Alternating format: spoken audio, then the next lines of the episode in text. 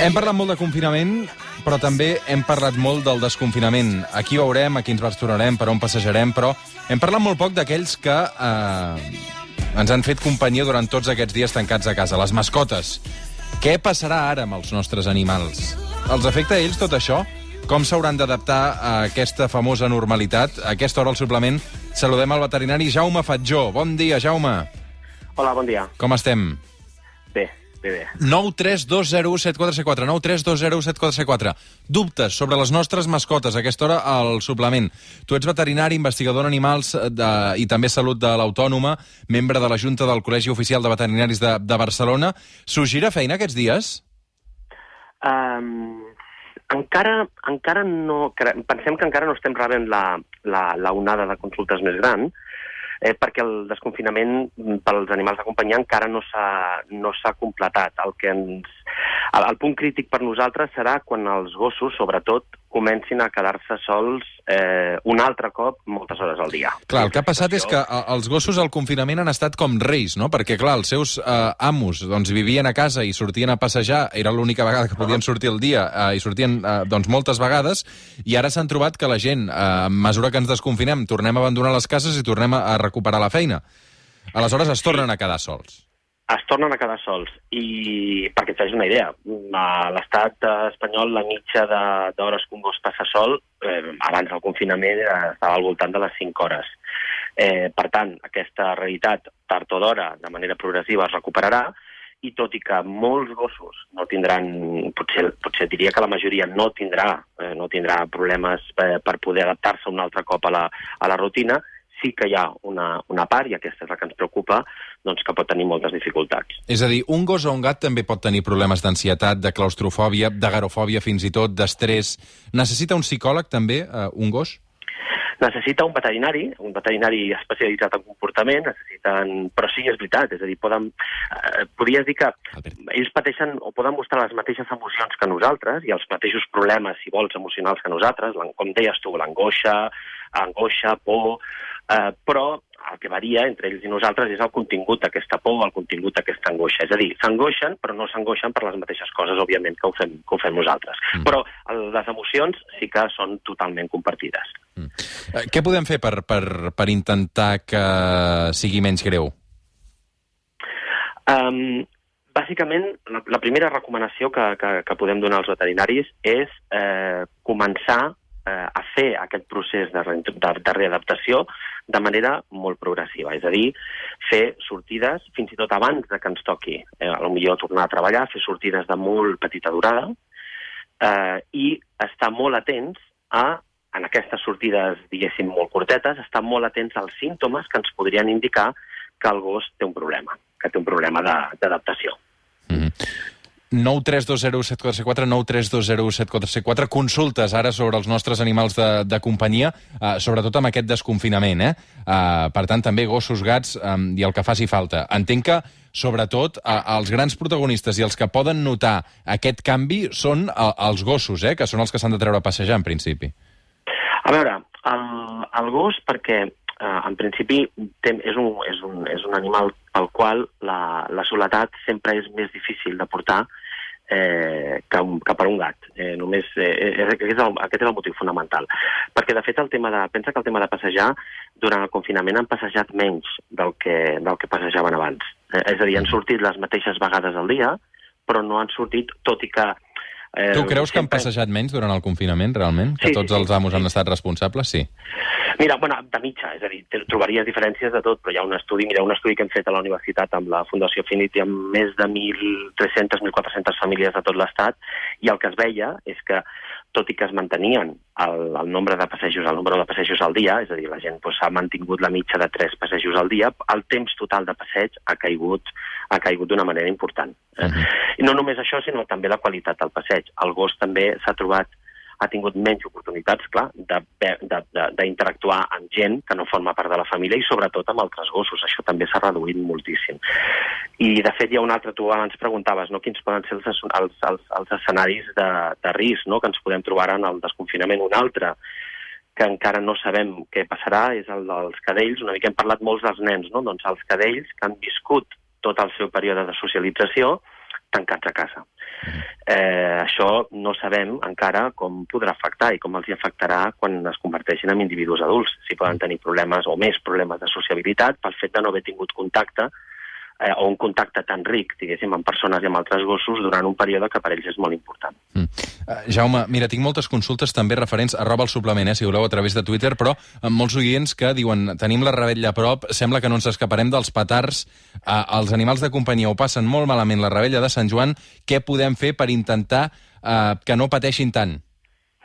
Mira, encara, ara encara tenim un palet de temps. Eh, una de les coses que es pot fer, que això en els, els veterinaris poden donar a la gent les recomanacions de com fer-ho, és el que es diu crear una zona de seguretat. Això s'ha de fer seguint unes recomanacions, no és una cosa que es pugui fer així, eh? però bàsicament el que tu fas és que eh, el gos tingui una zona de casa on pot estar, on pot sentir-se protegit, acostuma a fer-se aquesta zona de seguretat en una habitació, per exemple, que no estigui, que, que sigui interior, que no tingui molt contacte amb l'exterior, el dia que arriba la rebella. La nostra recomanació sempre, si es pot, és eh, aquest any es podrà, però la nostra recomanació és no deixar-los sols durant la rebella, és a dir, que tinguin la companyia de la família, perquè això els ajuda molt a, a enfrontar-se a, aquest, a l'estat que tenen de, de por, d'estrès, quan, quan, quan apareixen els petards.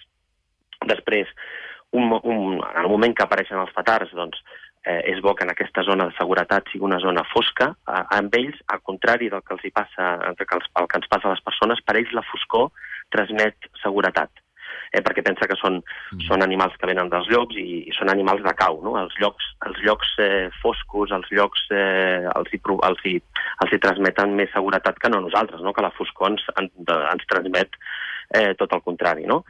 I després hi ha una altra cosa també que poden fer, que és eh, demanar ajuda al veterinari, perquè avui dia hi ha tota una sèrie d'intervencions que, que, que es poden fer des de canvis a la dieta, des de suplements que es poden incorporar a la dieta, fins i tot per a aquells gossos que tenen més problemes, l'administració durant uns dies de, de, de, de suport farmacològic, però avui dia, a veure, la, la, la, la bona notícia és que avui dia les, les fòbies, les pors als petards, són un problema que els veterinaris coneixem molt bé i el ventall de possibilitats de tractament i de prevenció que hi ha és molt gran. Mm -hmm.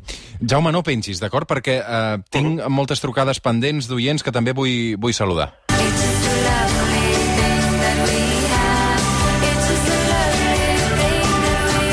Som al suplement, som a Catalunya Ràdio. Dubtes sobre animals de companyia, 9320174C4, 9320174C4. Tinc una trucada que em fa molta il·lusió. Alberto Fernández Díaz, bon dia. Hola, què tal? Bon dia. Com estàs?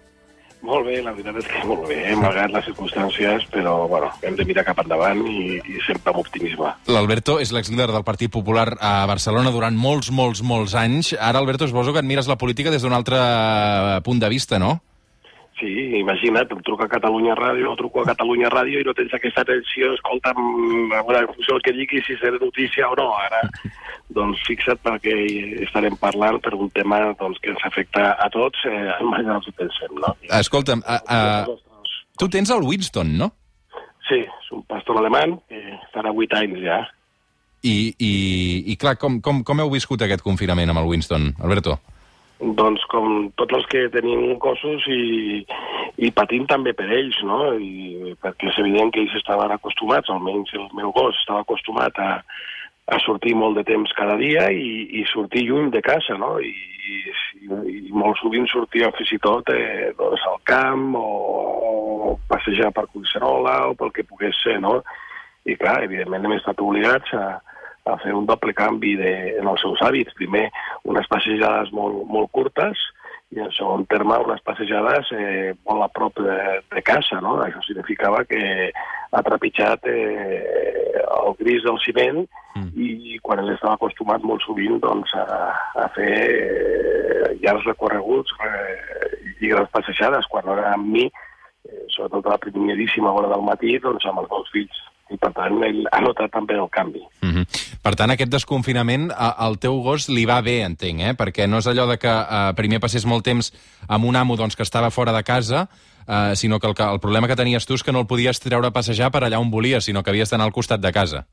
No, en efecte, jo crec que ell, d'una banda, ha estat més temps que mai amb tota la família i, a més, és un gos eh, molt de casa, de- d'estar sempre amb els fills, eh, eh, molt atent a tot el que passa i, per tant, jo crec que mai havia estat tant de temps a, amb, amb la família, no? Però, però al seu contrari, eh, jo crec que mai havia gaudit tampoc de, de les seves passejades perquè ell estava acostumat doncs, eh, a fer exercici, eh, corria, eh, passejava, no sempre lligat si podia tenir l'oportunitat d'anar a puestos al camp on...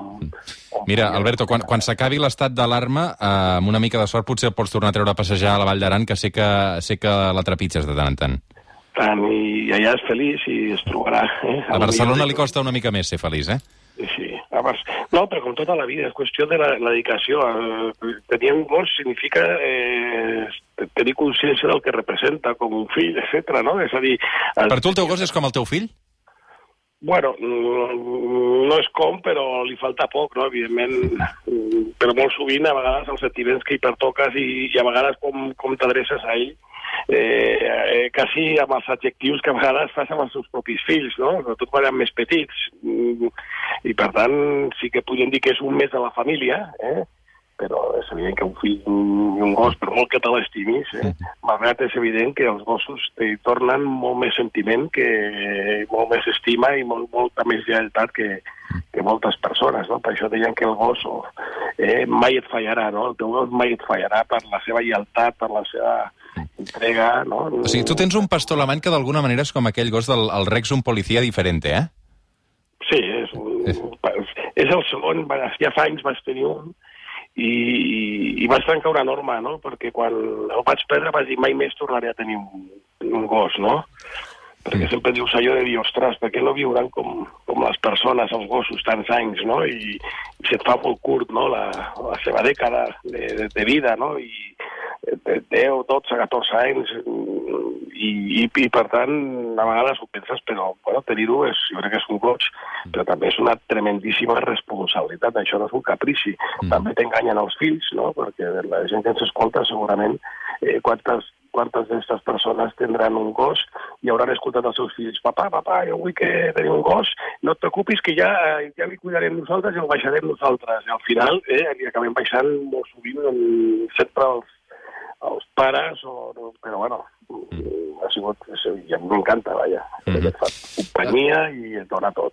Molt bé. Alberto Fernández Díaz, m'ha agradat avui saludar-te al suplement. Espero que estiguis bé. Sí, moltes gràcies. Que molt bé. Forta.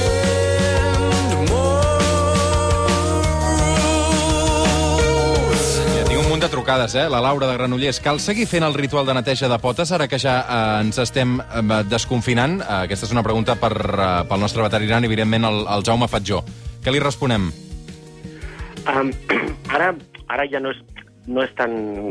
Sobretot era una recomanació que donàvem i que també tampoc hi havia, tampoc hi havia consens entre, entre tots els experts, però és una recomanació que donàvem sobretot eh, a les fases més, més, més dures del confinament.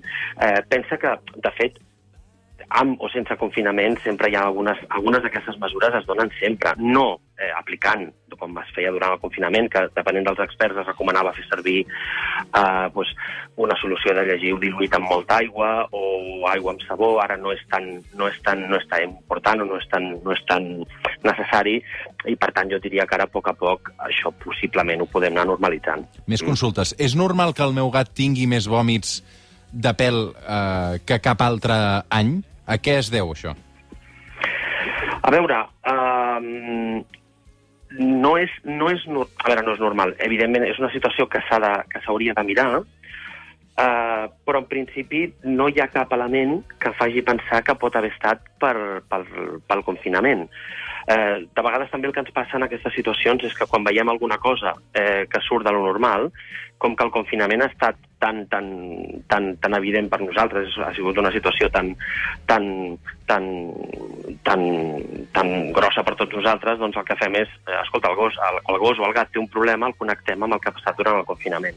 Possiblement això li podia haver passat qualsevol altre any per un altre motiu i no s'hagués relacionat amb, amb, amb res de tot això. Jo el que li diria és immediatament consultar-ho amb, el, amb el veterinari. Però en principi, si no hi ha hagut grans canvis a la casa, grans canvis de, de, eh, pel, pel, que és, pel que és el dia a dia del gat, no tindria per què estar connectada aquesta, aquesta, aquests vòmits per pèl amb el, amb el fet del confinament. Mar- Pensa que els gats, a veure, els gats, en certa manera, Mm. si tu pares a pensar, ja, ja estaven confinats. Ja has de pensar que l'estat espanyol la immensa majoria de, de gats no tenen accés a l'exterior de la vivenda. Sí, És a dir, per ells ja viure dins de casa ja és una situació habitual. Mhm. Sí que és cert que alguns gats eh, s'han vist, vist exposats a molt més contacte amb la família i això, per exemple, per gats que tenen molta timidesa, pot generar un cert component d'estrès. I això sí que els gats de vegades ho manifesten de formes que són una mica difícils de reconèixer. Mariona de Girona, bon dia. Hola, bon dia. Endavant, Mariona. Uh, bueno, jo, mm, en el cas del meu gos, jo penso que ho ha passat molt més malament en el confinament que ara, perquè, clar, nosaltres ens trobàvem que jo treballo al matí i ell a la tarda, i clar, normalment quan el traiem era un dels dos, però no hi havia ningú a casa. I ara ens trobàvem que volia sortir a fer pipi, però no volia anar a passeig.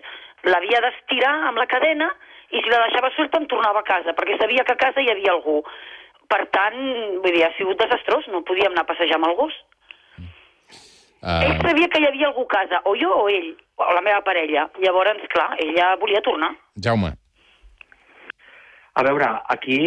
Mm, I ell abans passejava bé, és a dir, no tenia problemes durant el passeig. No és un gos que tingués por de passejar o que li costés una mica passejar, abans. Mm -hmm. Entenc que no. Entenc que Pregunta. no. Crec que ha penjat la... Va. la, la... No, no. no. La tenim aquí, Estic- sí, sí. No, no, no tenia aquí. problema, eh?, per passejar. No, no, no, no, però perquè no hi havia ningú a casa. I quan hi érem tots dos, que és el dissabte, i el diumenge sortim tots dos.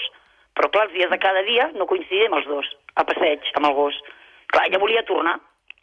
Clar.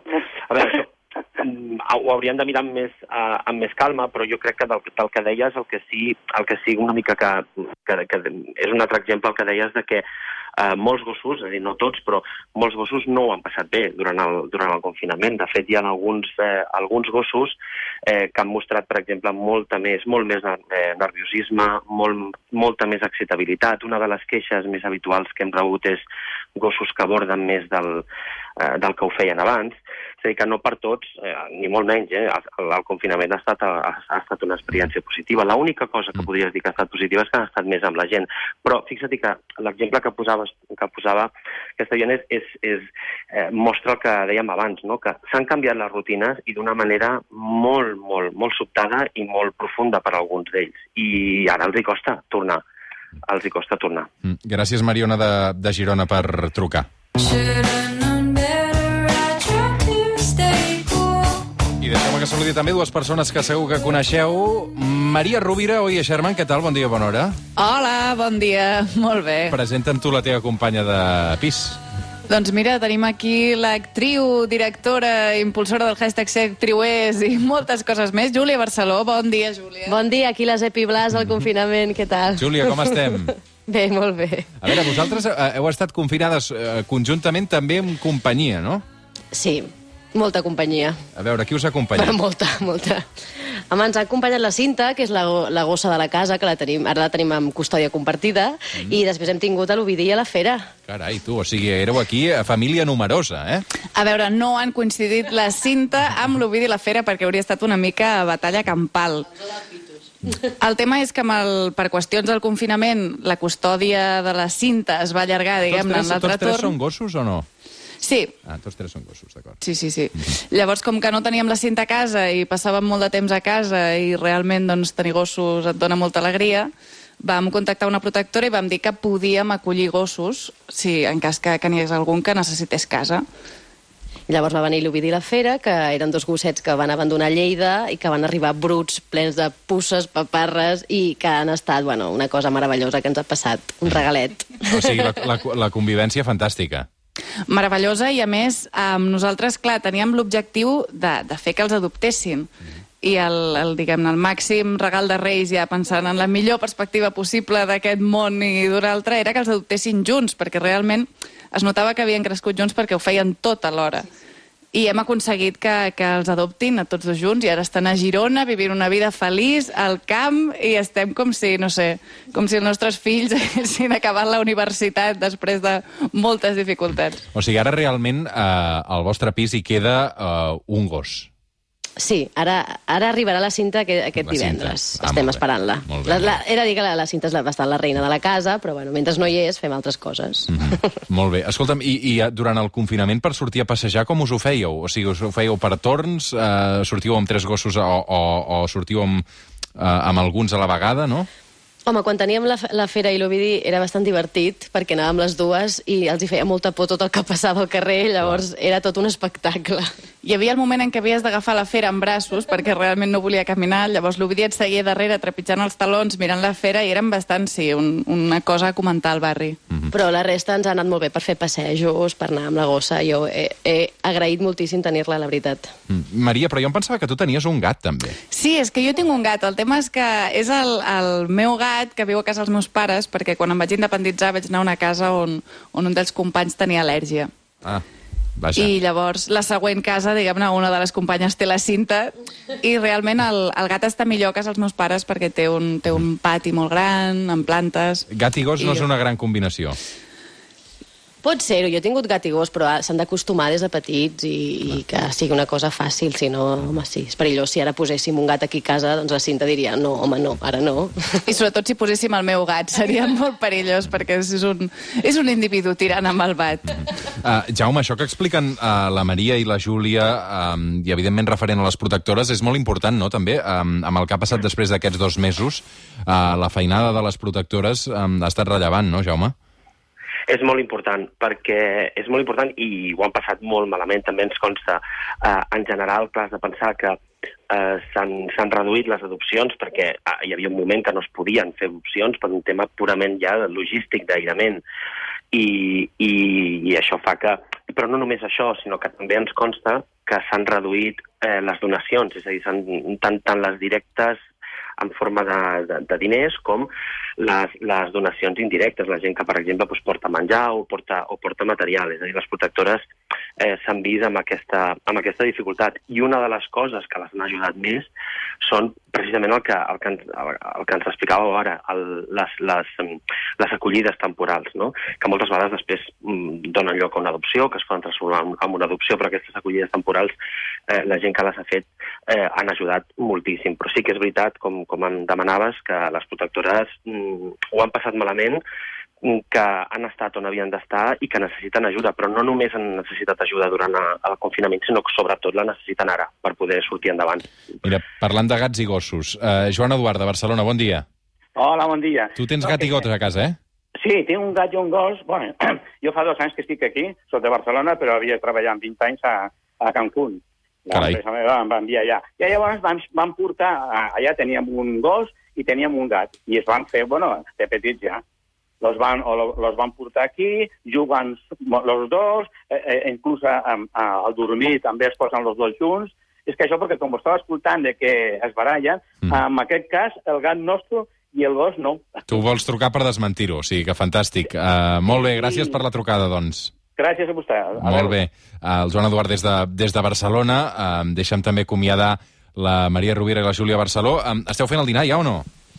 Doncs Tenim no. equip del suplement que té gana avui. Ah, doncs que mira, ens apuntem, si ja... que vagin passant d'aquí a dues hores mínim, perquè No, crec que la, la no. predisposició és molt... esmorzat, hem esmorzat tard avui. Hem esmorzat. És que Sí, acabem a les dues, eh? A mi ens, ens aniria bé d'aquí tres quarts d'horeta, podríem ser a casa ja, eh? Va, alguna cosa podem fer. Alguna Ara cosa m'ho així miro. ràpida. Ara Molt bé. Portar Ah, unes pizzas. Molt bé. Júlia Barceló, Maria Rovira, una abraçada. Una abraçada. Que vagi bé.